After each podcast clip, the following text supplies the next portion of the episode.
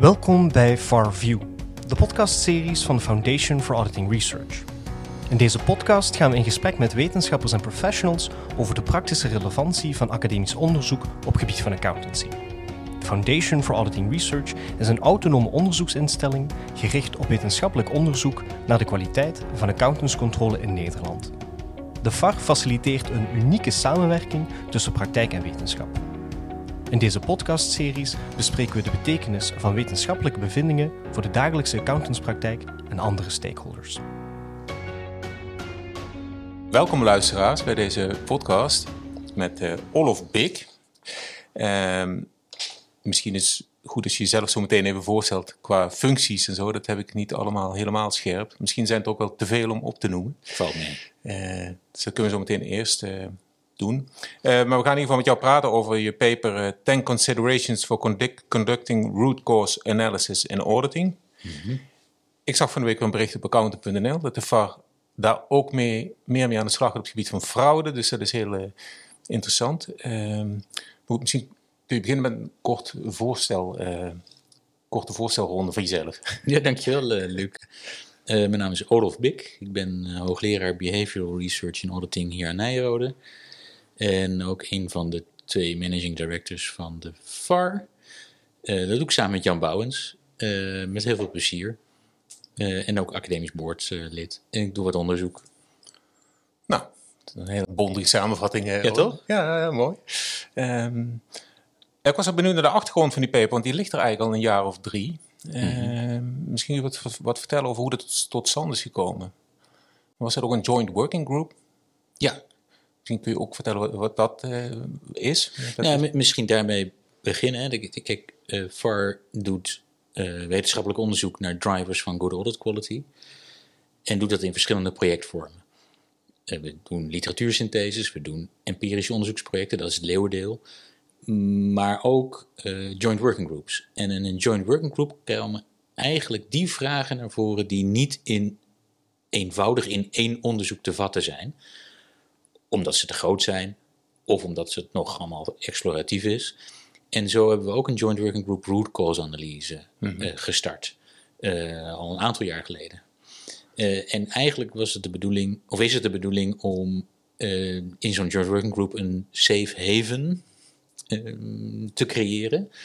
Dat hebben we in dit geval ook gedaan, waarbij de tien aangesloten kantoren met elkaar in een veilige leerruimte van gedachten wil wisselen en ervaringen uit gingen delen over root cause analyse, mhm. over methodes, over technieken, over wat ze gevonden hebben, sharing van best practices. Mm nou, en de directe aanleiding vindt ook eigenlijk hier zijn oorsprong in het 2014 verbeterrapport, toekomstige accountancy uh, van, uh, uh, van de NBA. En waaruit ook de stuurgroep publiek belang is ontstaan. En op die agenda is op een gegeven moment ook gekomen het versterken van de root cause analyses in de accountancy. Dus dat was de directe aanleiding eigenlijk voor het uh, oprichten van deze joint working group. Mm. Oké. Okay. Um, waarom, hè, misschien kun je wat vertellen over het project wat nu gaat lopen bij de VAR en misschien in de context van dit uh, verhaal waar we het vandaag over gaan hebben. En dan bedoel je het fraude root cause analyse. Ja, ik denk dat dat is natuurlijk weer het, het staartje, zeg maar. Dit paper over 10 considerations is de uitkomst van een joint working group uh, in 2019.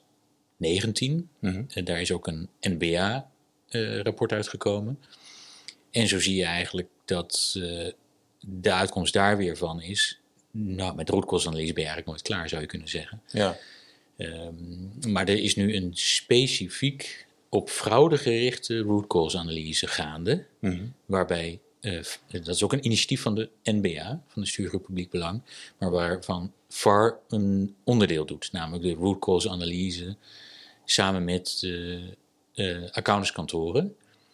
Uh, eerste instantie is dat een inventarisatie van hoeveel fraudes vinden er eigenlijk plaats, hoeveel zien accountants er, hoeveel worden door accountants ontdekt.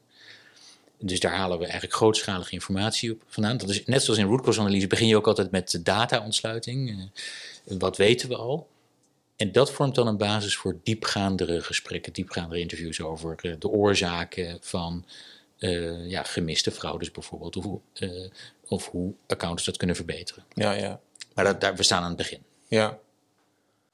En misschien even helemaal terug naar het begin. Eh, wa- Wat is dat eigenlijk, eh, root cause analysis?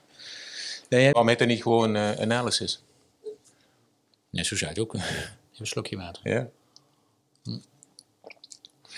Nee, kijk, eh, root cause analysis doe je, je doet eigenlijk is het foutenanalyse, zo zou je het kunnen zeggen. Maar daar doe je het ook wat tekort mee. Want je kan eh, een analyse doen op zaken waar het misgaat. Maar tegenwoordig zien we root cause analyse ook gedaan worden op eh, eh, good quality events. Hè, dus positieve voorbeelden eigenlijk. Nou, de essentie ervan is eigenlijk dat root cause analyse ga je verder dan alleen maar de oppervlakkige fout eh, zien. En eigenlijk gaat het niet zozeer om het wat er is fout gegaan, maar vooral waarom is iets fout gegaan. En dus je, eh, nou, we kennen allemaal, althans er zijn vele methodes hoor, maar een heel veel gebruikte methode is de 5-why-methode. Dat je dus eigenlijk niet, eh, er, er gaat ergens iets mis. Ja, waarom is er iets misgegaan? Dat je niet daar stopt, maar dat je toch eh, nou, minimaal vijf keer waarom vraag stelt, zodat je uiteindelijk tot een diep liggen, dieper liggende oorzaak eh, komt. M- misschien kan ik een voorbeeld Ja, geven. heel goed, ja. Dus eh, het, het voorbeeld uit mijn eigen praktijk, eh, toen ik nog accountant was. Ik, ik was toen op de controle van de belastingpositie gezet bij een klant, waaronder ook de vennootschapsbelasting. En het ging dramatisch mis. Wat gebeurde er? Mijn opdrachtleider kwam daar te laat achter. Die had verondersteld dat ik eh, al wel een keer eerder de VPP-positie had gecontroleerd. En die had ook verondersteld dat ik dat op de studie ook al had geleerd. Maar dat was een verkeerde veronderstelling. Eh, maar hij heeft ook te laat eh, gereviewd. En eigenlijk in een root cause analyse ga je dus probeer je eigenlijk achter, achter te komen wat de echte, misschien wel systeemoorzaak is van waarom dit misging. Want je kan natuurlijk zeggen, ja, O- eh, eh, Olof eh, had onvoldoende kennis. Je kan zeggen, die opdrachtleider die heeft te laat gereviewd, dat is een slechte opdrachtleider. Maar als je door eh, vraagt, ehm, kan het dus ook zo zijn dat deze opdrachtleider misschien wel gewoon te veel opdrachten eh, had. En dus, eh, ja, waarom, is, waarom ben je te laat begonnen met reviewen? Ja, ik had nog zoveel op mijn bord liggen. Waarom had je zoveel op je bord liggen? Ja, ik heb gewoon heel veel te veel klanten. Maar waarom heb je dan te veel klanten? Ja, eh, omdat er te weinig medewerkers zijn. En waar- waarom zijn er dan te weinig medewerkers? Ja, omdat het beroep in de slecht daglicht staat. Nou, overigens zitten we nu op een root cause wat je dan niet... eh, een mogelijke root cause Ja, waar je niet zomaar aan een knop kan draaien.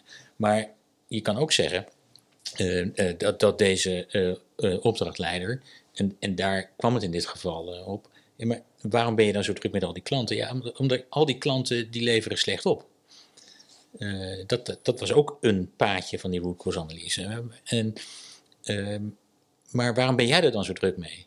Ja, omdat ik het mijn probleem maak. En dat zie je veel bij accountants ook. Hè? Dus die zijn, dat is de servicegerichte mindset. Als een klant dan niet oplevert, dan maken we het ons probleem. Mhm. En we hebben het toch al zo druk, worden we het nog drukker. Besteedt die opdrachtleider nog minder tijd aan de review van werkzaamheden van, en begeleiding van een jonge assistent, die dan maar tegen beter weten in de VPB-positie probeert dicht te harken.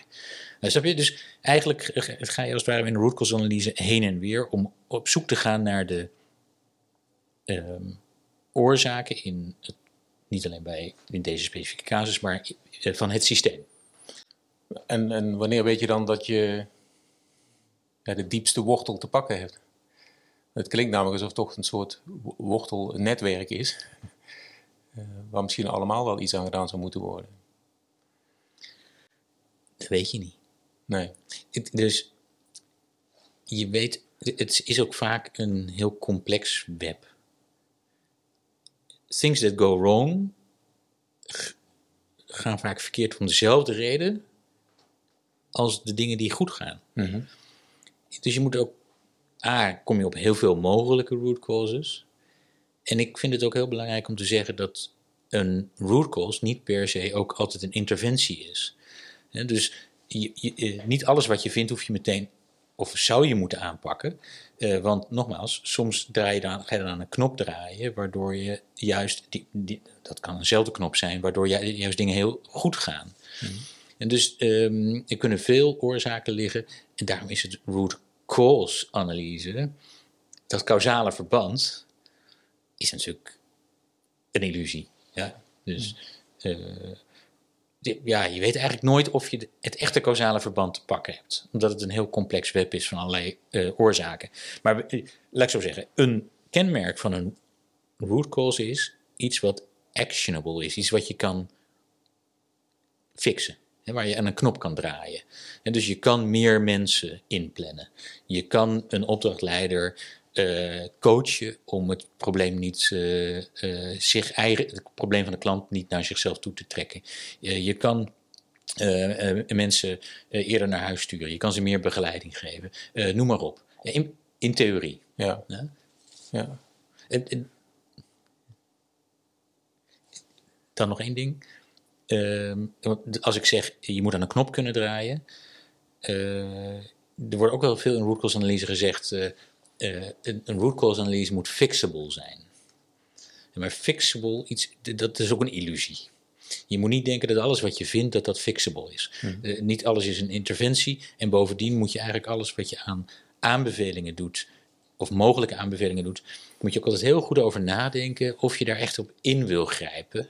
Want uh, een interventie is, zit je ook te roeren, te veranderen in het organisatorische systeem.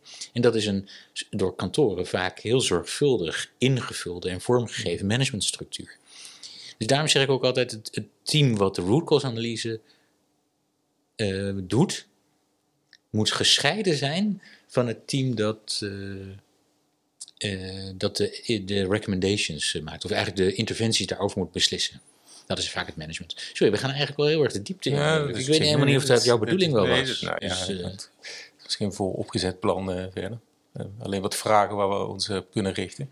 Ik, ik, vond trouwens wel interessant, je zegt, er is een knop om aan te draaien. Dat, dat zegt misschien ook al iets, want het is niet, niet, niet een aan- en uitknop.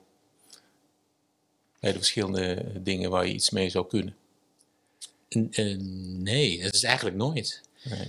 De, maar daarom is het ook niet, uh, en dat vind ik het interessante ook van uh, onderzoek naar organisatiecultuur bijvoorbeeld. Dat is een heel complex web van allerlei signalen die een organisatie uitzendt over wat echt belangrijk wordt gevonden. En die signalen komen voort uit, uit allerlei bronnen. Waar je op wordt aangestuurd, de toon en de top, waar het budget heen gaat, waar de tijd aan wordt besteed. dus ja, één ding veranderen daarin, één zo'n knopje omzetten, mm -hmm. beïnvloedt het hele systeem. Uh, daar, dat is dus ook heel fascinerend, dat je dus uh, soms uh, ook een aanpassing, een interventie kan doen die het tegengestelde effect heeft. voorbeeld, er was ooit een firma die heeft een 360 graden feedback systeem geïmplementeerd, omdat we, een van de root causes was, we spraken elkaar te weinig aan op de opdracht. Dus we moesten leren meer feedback te geven. Je bedoelt tijdens de opdracht? Ja, tijdens de opdracht. Dus tijdens, tijdens het, werk, het veldwerk, zeg maar. Ehm, wat deed deze firma? Die implementeerde een 360 graden feedback systeem om dat te institutionaliseren, om dat te, te, stimuleren. Maar het gevolg daarvan was eigenlijk tegengesteld. Van, hey, we hebben nu een systeem, we geven elkaar net voor de kerst en net voor de zomervakantie, geven elkaar feedback. Dat kan ook nog eens in een systeem, dat kan ook nog eens anoniem. Dus in plaats van meer openheid, creëerde deze firma eigenlijk minder openheid omdat het, uh, ja, we doen dat toch alleen maar met de kerst en met de zomer. Ja. Dat vind ik het fascinerend in interventies. Ja, um, ja, ik heb zelf de indruk dat met name uh, in, zeg maar, de ingenieurswereld dit uh, is opgekomen. Dat, ik weet niet of dat zo is, maar dat gevoel heb ik. waarom is een audit eigenlijk heel geschikt om dit soort systematiek toe te passen? Nou, misschien even eerst. Het is inderdaad zo. Root cause analyse wordt veel gedaan in engineering, medicine, aviation, chemische industrie. Eigenlijk uh, zou je kunnen zeggen dat zijn uh, kritieke beroepen. Mm uh, leven en dood. Ja? Luguber bijvoorbeeld natuurlijk de Boeing 737 MAX. Ja, als je die Netflix-serie hebt gekeken, is dat eigenlijk ook gewoon een root cause analyse. Ja, dus eh, dat, dat voert uiteindelijk. hè, de, het verhaal is dat dus die, die 737 MAX had dus, ik weet de exacte naam niet meer, maar een systeem dat, eh, dat had met motoren te maken die groter en zuiniger moesten zijn. Daardoor werd de voorkant zwaarder en werd dan een corrigerend systeem geïmplementeerd. eh, waardoor de achtervleugels corrigeerden en, de, en dan het vliegtuig een beetje naar beneden zouden duwen. Maar alle trainingen waren al gegeven. Dus het mocht niet een significante wijziging aan het vliegtuig zijn. Wat het wel was. En dus hebben ze uiteindelijk gezegd: nee, dat is. eh, we noemen het ook anders. We noemen het gewoon het bestaande systeem. Er zijn geen trainingen gegeven. Piloten wisten niet dat dat systeem er was. En eh, ja, als je de, die eh, documentaire mag geloven, ging het dus de eerste keer mis. En je moest binnen, dat was ook nog, vond ik ook een interessant detail. Een piloot moest binnen 10 seconden dan het systeem uitzetten, anders was het al te laat. Dat vind ik überhaupt luguber eigenlijk, weet je. Dat, je dus, eh, dat zo'n systeem dan de, overhand kan nemen. Maar in ieder geval, dat gebeurde dus. Er zijn twee vliegtuigen met dramatische gevolgen neer, neergestort. En als je dat helemaal door exerceert, kom je op een, natuurlijk een hele grote root cause analyse. Eh, wat gewoon uiteindelijk eh, reputatiebescherming, winstbejag of wat je het ook maar, hoe je het ook maar wil noemen, is. D- dat vind ik dan wel weer een beetje eh, flauw. De, ik bedoel, de Space Shuttle Challenger is ook daardoor eh, neergestort, zou je kunnen zeggen. En er moest en zou gelanceerd worden. Eh, maar eh, ja, we hadden een probleem, maar er was geen ruimte voor. Nou, dat, dit- dat, dat is bij de 737 MAX eigenlijk ook het essentie, de essentie. Nou, dus daar komt het een eh, wat vandaan. Was je vraag ook? alweer? Ja, nou, de, de relatie naar de audit. Waarom Oh het ja. audit, eh, ja, dat is toch een andere tak van sport, zou je kunnen zeggen. Ja, bij de audit gaat er niemand dood als er een fout eh, Ja, gemaakt wordt. gelukkig niet. Meestal niet. Nee, dus, dus je zou zeggen, de, de, de root cause analyse komt uit een omgeving waar het, eh, fouten echte, echte consequenties hebben. Maar het is ook een systeem wat heel goed toepasbaar is op de audit, omdat het eigenlijk een leerinstrument is. Het is een instrument waarbij je, en bij audits gaat er ook wel eens wat fout, waarbij je kan onderzoeken niet wat er fout is gegaan, maar waarom het is fout gegaan. En het is dus een instrument wat niet op zoek gaat naar blame. Het is niet de schuldige aanwijzen. Jantje heeft het gedaan, Marietje heeft het gedaan. Nee, Marietje heeft, er is bij Marietje iets fout gegaan. Waarom is het fout gegaan? En dan kan je wel eens tot hele andere eh, oorzaken eh, komen. Nou, waar we het net al even over eh, hadden. Dus het is een leerinstrument om te ontdekken wat gaat er goed, wat gaat er niet goed, waarom gaat het niet goed en wat kunnen we eraan doen. Nou, dat is in de audit ook heel relevant, want een audit is heel judgmental. Het is niet een productieproces waarbij nou ja, je potjes en pannetjes en dekseltjes op elkaar doet. Nee, het is een judgmental proces met allerlei beoordeling, waardoor, en waardoor dus ook veel, eh, veel mis kan gaan. Het, een audit wordt in teamverband gedaan, met allerlei interacties met cliënten. Daar kan ook van alles in misgaan. Waar, we hadden het net al over de servicegerichtheid bijvoorbeeld. Mag ik nog een anekdote vertellen? Ja, uiteraard. Dan kom ik zo weer op je, op je vraag. Maar In mijn jongste jaren als assistent kwam ik een keer, moest ik de kast tellen bij een hotel was dat. Hotelketen. En ehm, we weten allemaal, in de standaarden staat, kast tellen doe je wanneer? Hier nog, Luc? Eh, dat heb ik nooit gelezen, denk ik. Nee, maar wat denk je? Z'n tweeën. Sorry? Met z'n tweeën. Oh, dat zou eigenlijk ook wel kunnen, ja. Nee, ja, ja dat, dat kan ook. Nee, en kast tellen doe je op een overvalsmoment. Oh ja. Ja, dus, Want dan kan de kast niet, eh, als er een gat in de kast zit, kan dat niet tijdelijk even aangevuld worden. Zo ging ik dus ook 's ochtends om half negen naar de hoofdboekhouding die de kast beheerde. En ik zei, eh, goh meneer Pietersen, ik kom de kast tellen, komt dat uit? Nou, zegt meneer Pietersen, het komt me eigenlijk niet zo goed uit. Kan je vanmiddag om twee uur terugkomen? En ik zei, ja hoor, natuurlijk, zo vriendelijk en servicegericht als ik was, om mijn opdrachtleider, die in de deurpost stond, hardlachend eh, natuurlijk mij om een flikker te geven. Want Die dat- stuurde dat- jou meteen weer terug. die stuurde mij meteen weer terug. Weet je, nou is dit nou natuurlijk een, een ludiek, li- ludiek voorbeeld. Maar je ziet hier eigenlijk al de dynamiek waardoor de dingen mis kunnen gaan. Ja? Een te servicegerichte assistent, eh, een, een, een, cliënt die misschien goed bedoeld eh, ook niet helemaal begreep, maar ook een opdrachtleider die dat wel goed weer aanstuurt en corrigeert. Maar als dat allemaal eh, er niet is, kan het dus om dezelfde reden dat het wel goed gaat, ook, ook verkeerd gaan. Dus audit is geen recht toe recht aan. En ehm, eh, het- ik vind het ook relevant voor auditing, omdat audit wel een maatschappelijke functie heeft natuurlijk. Dus je kan zeggen, als een audit misgaat, vallen er geen doden. Als een audit misgaat, kan er wel degelijk grote maatschappelijke schade ontstaan. Dus dat de, het accountantsberoep root cause analyse nu ook heeft omarmd. Om serieus naar zichzelf te kijken en te onderzoeken wat gaat er goed, wat gaat er niet goed en wat kunnen we eraan doen, vind ik alleen maar heel erg goed. En dat zie je overigens wel breder hoor. Ook internationaal is root cause analyse, nou ik zeg het laatste decennium wel echt eh, omarmd. Ja, we- heb je kunnen traceren wanneer dat voor de eerste keer eh, aan de orde was? Is er nou een schandaal geweest? Of?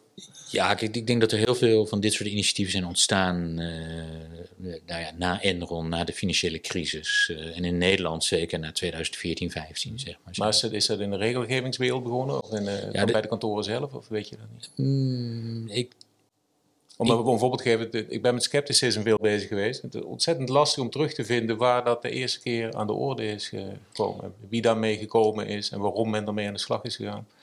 nee, je zou- zou even daarvoor in het paper moeten kijken wellicht. Maar ik, ik denk dat het tweeledig is. Ik zag het terug in eh, discussies bij de PCOB, eh, AFM eh, en andere regelgevers. Maar ik weet ook dat firma's er zelf ook mee begonnen zijn.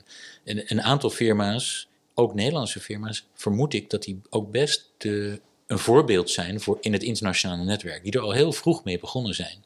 Om een vorm van root cause analyse te doen. En dat heeft zich alleen maar verder ontwikkeld. Dus ik denk dat het, eh, en ook de FRC in Engeland heeft wel een, een review gedaan een aantal jaar geleden. En geconstateerd dat firma's hier zelf mee bezig zijn. En in Nederland is het voor het eerst in die 53 maatregelen expliciet Nou, ik, kijk, de, de vraag is hoe het in die 53 maatregelen terechtkomt. Ja. Ja, dus eh, ik denk, ik vermoed, ik heb het niet nagaan, maar er, er- ik, ik denk stellig dat er al firma's waren die er op dat moment mee bezig waren. Je ziet alleen nu dat, firma's er veel, dat er veel meer firma's mee bezig zijn en de firma's er veel serieuzer mee bezig zijn. Eh, er zijn firma's die hele teams in een afdeling root cause analyse hebben opgezet. Ehm, nou wil ik de luisteraars niet afschrikken, want root cause analyse is niet alleen iets voor grote firma's. Dat schrijven we ook in het paper. Die, het is voor klein en groot. Ja, dus vijf keer de waarom-vraag stellen kan iedereen. Daar heb je geen afdeling voor nodig. Kan ook binnen je gezin, eh. Ja, laten we het daarover ophouden. Eh, dus, eh dan leid je me af. Shit. Oh, pardon, mag dat? Ja, ja, Excusez-le-moi. Eh, Het is niet conform de corporate standaard, dit woordgebruik. Maar wat ik, wil, wat ik denk ik wilde zeggen is, ook kleinere firma's kunnen dit gewoon doen. Ja. Ehm, en wat ik ook belangrijk vind te onderstrepen is dat we het niet alleen hebben over audits die fout gaan. Tuurlijk, hè, als je een quality review doet binnen de firma en je ziet stelselmatig dezelfde fouten, want dat is een bron om een root cause analyse te beginnen. En je ziet heel veelvuldig dezelfde fouten terugkomen. Nou, dan zou dat een reden zijn om je in te gaan verdiepen. Maar je kan ook kijken naar good quality events, audits die het heel erg goed hebben gedaan juist, om te kijken, zelfde systematiek, om te kijken wat daar dan juist is goed gegaan. En je ziet bij firma's nu ook een ontwikkeling dat ze niet alleen engagement level uh, root cause analyse doen, oftewel bij audit A is er iets misgegaan en we gaan onderzoeken, maar dat ze dit nu ook op kantoorniveau doen. Bijvoorbeeld, uh, en dan bedoel ik ook bepaalde thematische reviews. Uh, er is een van de grotere firma's die heeft een root cause analyse naar learning climate gedaan. De andere kantoor heeft uh, root cause analyse gedaan naar hoe goed zijn we in fraude ontdekken. Een ander kantoor die heeft dan een focus gelegd op uh, going concern opinies. Uh, dus de, de, de, beslissingen daarover. Um, en je kan natuurlijk ook gewoon dat thema door een doorsnede van opdrachten oppakken. Dus er zijn heel veel verschillende manieren om root cause analyse aan te pakken. Klein, groot, complex, systematisch. Uh, maar niets hoef je te weerhouden om gewoon logische vragen te stellen. Nee. Een goed begin lijkt me dat, ja. Uh, ja, misschien goed om nou even naar de paper te gaan. Ja. Uh, je presenteert uh, tien overwegingen die, die van belang zijn als je met root cause analysis aan de, aan de slag gaat. Ik weet niet hoe je het, zou je ze alle tien willen noemen of zeg je nou ik noem de belangrijkste?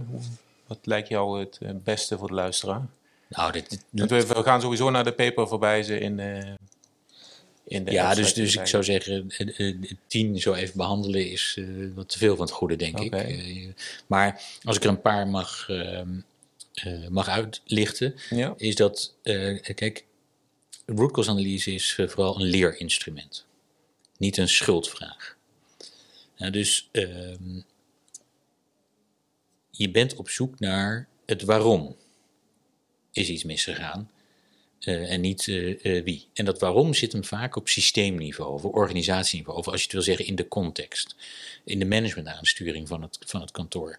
en het, het, een, een root cause moet uiteindelijk actionable zijn, veranderbaar zijn. En dat moet dus gericht zijn op de context of het systeem waarbinnen mensen werken. En dus, dus het, is een, het is een leerinstrument. Het, tweede wat ik wil onderstrepen is dat um, je in een root cause analyse je nog niet druk moet maken over uh, de mogelijke interventie. En je moet echt een, een, stap apart nemen. Eerst, ik wil eerst echt weten wat is er misgegaan. Want als ik me ook direct al ga druk maken over de interventie of de implementatie, dan kan het wel eens zo zijn dat, ik, dat je het team zeg maar, dat neigt van, nou, eh, nee, daar blijven we maar weg van. Mhm. ja? Want dat, is, dat wil onze bestuurders willen dat niet horen. Dus dat kan geen root cause analyse. Eh, dat, sorry, dat kan geen root cause zijn. Nee, je wil echt eerst onverbiddelijk, ja, brutal, en face the brutal facts. Eerst echt de root cause analyse, de root cause analyse doen en naar de echte oorzaken kijken. En je daarna pas zorgen maken om, ehm, om de interventie. En misschien in het verlengde daarvan, dan hebben we het ook over uh, recommendations. Het team dat de root doet, die zou ik adviseren om ook die mogelijke aanbevelingen of interventies te gaan opschrijven. Uh, en dat moet het eindpunt zijn van, hier verschillende meningen overigens, wat mij betreft moet dat het eindpunt zijn van de root Pas daarna gaat dat rapport naar het management en het management gaat dan beoordelen wat daaraan gedaan gaat worden. If at all, want soms kunnen er ook aanbevelingen in staan waar we het net al over hadden, wat niet goed in het systeem past. Uh, het is aan het management om te besluiten wat ze eraan gaan doen. Niet aan het root cause analyse team. Mm Waarom moet je dat splitsen? Om die twee redenen. Eerst, het root cause analyse team moet onverbiddelijk naar de echte fout op zoek kunnen gaan. En twee, als je dat te veel mixt, gaat het rapport er vierkant in en komt het er rond uit. Ja, want nee, ja, dit kan wel de fout zijn. We hebben te veel cliënten in portefeuille bijvoorbeeld. En de aanbeveling kan zijn, we need to drop 20% of our clients. Ja, maar dat komt ons nu even niet uit. Dus die root cause moet eruit. Maar dat is niet het doel van de root cause analyse. Nee. Nou, dus dat, dat splitsen vind ik wel uh, heel belangrijk. Ja, ja. En, eh, en, hoe zorg je ervoor dat mensen niet bang zijn om... Uh, ik ben ook best kwets, kwetsbaar als er een fout is gemaakt. Dus mensen worden geïnterviewd daarover. Of, uh, ja. Dat is eigenlijk wat jij zegt. Hè. Je bent niet op zoek naar, de, om te, naar blame. Maar hoe, hoe zorg je dat dat goed landt? Dat men dat ook echt doorheeft? Het zijn twee dingen. Eerst een algemene eigenlijk. Het doen van een root cause analyse vergt vaardigheid. Vergt een onderzoekende houding, een non-judgmental houding. Vergt open vragen kunnen stellen, naar voorbeelden vragen. Dus uh, kijk, een root cause analyse begint natuurlijk bij de identificatie van een event. Er is iets misgegaan of juist iets heel erg goed gegaan. Dan ga je data verzamelen. Uh, hoeveel tijd is er besteed? Uh, wat is er geschreven over het issue waar het mis is gegaan? Uh, welke documenten kunnen ons iets vertellen? welke teamleden zijn betrokken? So far, dat kunnen we allemaal. Maar het echte interessante zit natuurlijk in het interview met de betrokkenen, de gesprekken met de betrokkenen. Dat kan overigens een één-op-één interview zijn. Dat kan ook een focus group meeting zijn, waarbij je bijvoorbeeld, als je een thematische review doet, uh, kan je bijvoorbeeld alle senior associates bij elkaar roepen. Maar op een engagement level heb je vaak, nou, heb je het gesprek met de partner of met de manager van die betreffende opdracht. Dat vergt kunst, ja, Mhm. ambacht. Hè, dus de, dit is niet degene die het onderzoek doet die aan het woord moet zijn. Zegt hij die nu de hele tijd aan het woord is. Maar goed, eh, je moet vooral vragen stellen. eh, open vragen stellen. Kan je vertellen wa- wat er gebeurde? Eh, kan je een voorbeeld noemen? En dus een veilige omgeving creëren. Dat is, Ja, hoe, dat doe je, hoe doe je dat? nou ja, do- do- door heel goed uit te leggen dat het dus om het leren gaat van de fouten en niet om de fouten zelf. En je kan afspraken maken over vertrouwelijkheid bijvoorbeeld. Maar in een audit, dat is het tweede punt hierover, in een auditomgeving is dit wel ehm, bijzonder ingewikkeld, omdat de link tussen fouten, performance en carrière maken een hele directe is. En dus eh, als jij als assistent een fout hebt gemaakt, dan kan het wel eens direct je beoordelingen raken. Maar andersom ook, denk aan degene die de root cause analyse doen. Nu komt eh, Pietje komt bij Pietje is senior manager. En die komt bij Jantje, die is de senior partner, die gaat over de alle promoties. Die moet dan een root cause analyse doen. Dat is natuurlijk gewoon accidents waiting to happen. Ja? Daar wordt niet door gevraagd. Want het, de afhankelijkheid van degene die dat interview doet, is dan gewoon te groot. Dus je moet zorgen dat er een soort, eh, ja, toch eh, scheiding, scheiding is, of je moet een context creëren waardoor zo'n eh, onderzoek wel kan. En ik zie dat grote firma's dan vaak een apart team daarop zetten. Vaak bij bureau vaktechniek of onderdeel van het quality review team, afdeling compliance. En dat kleinere firma's nog wel eens dit ook de, compliance officer laten doen, dit soort gesprekken. Iemand die niet afhankelijk is van de carrière. Je kan het ook in verschillende samenstellingen doen natuurlijk. Beantwoord dit je vraag al? Dat weet ik eigenlijk niet. Eh, nou ja, we, we waren ook bezig met eh, de verschillende overwegingen. Dus Mhm. het ging mij meer om het, veiligheidsaspect, hoe Ja. je dat tussen de oren krijgt. Ja. Je wilde een aantal overwegingen nader toelichten. Dus ik weet niet of er nog meer zijn die jij zou willen noemen. Nou, ik denk dat ik het meeste uit van de, van de overwegingen, van die tien overwegingen wel genoemd heb, ehm, eigenlijk. Misschien nog, eh, nog eentje. Is dat ehm, we hebben het vaak over, bij root cause analyse over dingen die fout gaan. Maar het is net zo nuttig om eh, best practices te onderzoeken of die te confronteren met elkaar. Eh, Dus probeer matches te maken. En een veel vergeten groep die interessant is om te analyseren is de near miss. Het ging bijna mis. En toch net niet. En waarom is het interessant? Omdat het namelijk twee dingen in elkaar verenigt. Namelijk, het ging bijna mis. Waarom ging het nou bijna mis? Dat is een soort foutanalyse.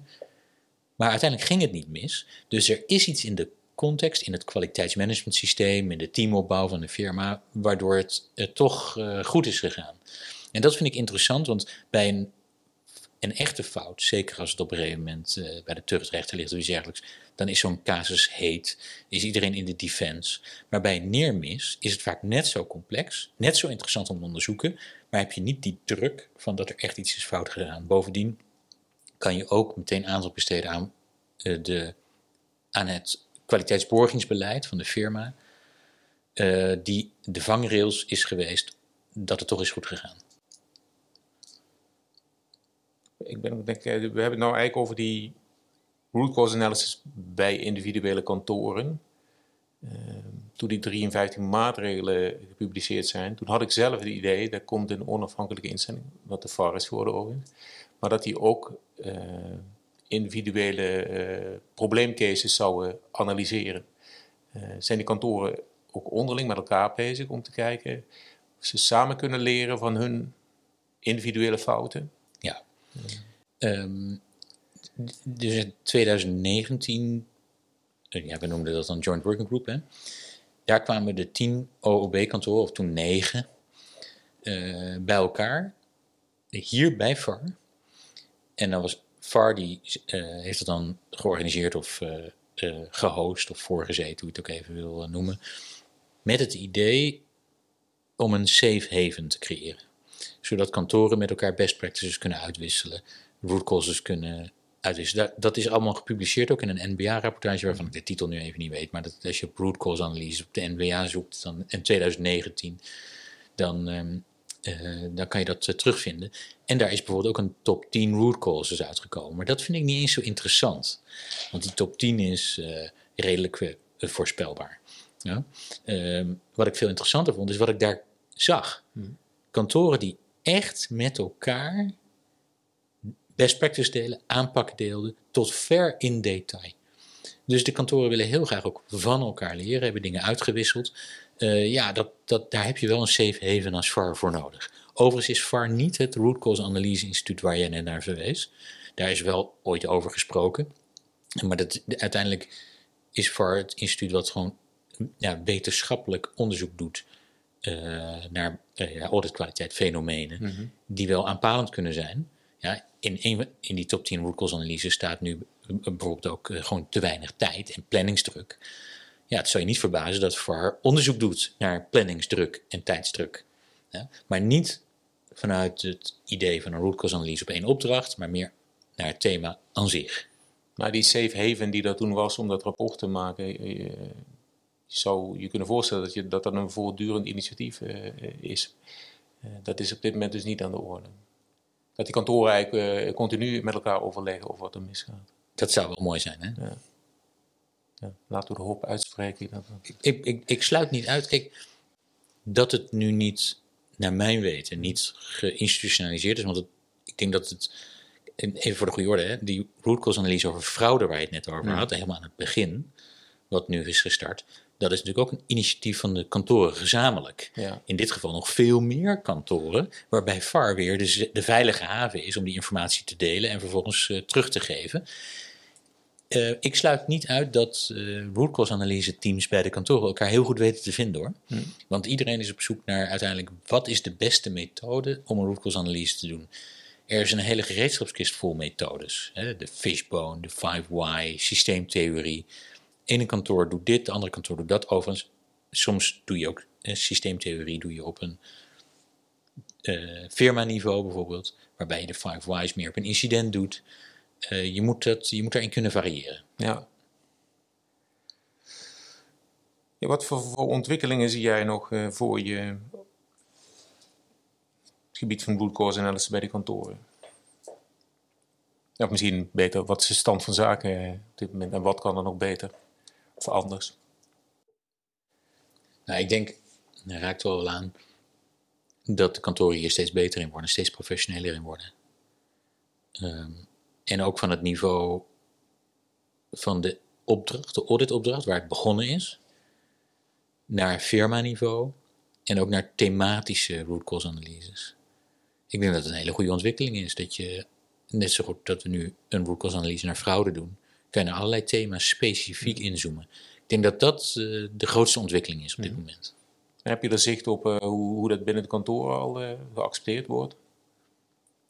door gewoon door de medewerkers in de algemeenheid? Mijn indruk is dat kantoren hier heel serieus mee omgaan. Mm. Dus uh, dat ze gewend zijn, meer gewend raken aan het feit dat ze bevraagd worden op het waarom zaken gaan zoals ze gaan. Ik merk ook dat uh, in ieder geval de kantoren met wie VAR samenwerkt, steeds ook meer gewend raken aan het feit dat ze data verzamelen, ontsluiten, zelf analyseren. Uh, ander voorbeeld, VAR, heeft, VAR doet onderzoek naar cultuur bij auditfirma's. Dat is het Francis-project met Jerry Francis, onder andere. Uh, en die heeft ook een managementrapportage teruggegeven van wat een firma-specifieke managementrapportage. Dat wordt steeds beter eigenlijk ontvangen, omdat die managementinformatie firma's helpt om te verbeteren root valt in datzelfde straatje. Ik heb het idee dat de lerende omgeving steeds beter wordt. Neem ook zo'n root analyse naar uh, de lerende, het leerklimaat bij een van de firma's. Uh, daar zijn ook uh, Wim Gijselaars en Therese Greuner bijvoorbeeld bij betrokken geweest. Ook een van de eerste VAR-onderzoeken. Dus ja, dat, dat stemt wel hoopvol. Ja, mooi. Omdat nog een zetje mee te geven. Oh, heb, je, heb, heb, jij nog een afsluitende tip voor mensen die met root cause analysis aan de slag willen? Um, nou, misschien hebben we het meest ook wel geraakt. Ik zou zeggen, deins gewoon niet terug om eh, op een veilige manier, objectieve manier, gewoon door te vragen. En een beetje op zoek te gaan naar de onderliggende oorzaken. En niet genoegen te nemen met de oppervlakkige oorzaken. Ik denk dat uiteindelijk dat is de essentie van een root cause analyse. Doorvragen, ervan leren en niet uh, vingerwijzen. En dat kan je groots aanpakken, maar dat kan je ook als uh, klein kantoor uh, kleiner aanpakken. Oké. Nou, hartelijk dank voor je verhaal. Nou, graag gedaan. Leuk. Tot de volgende keer. Ja.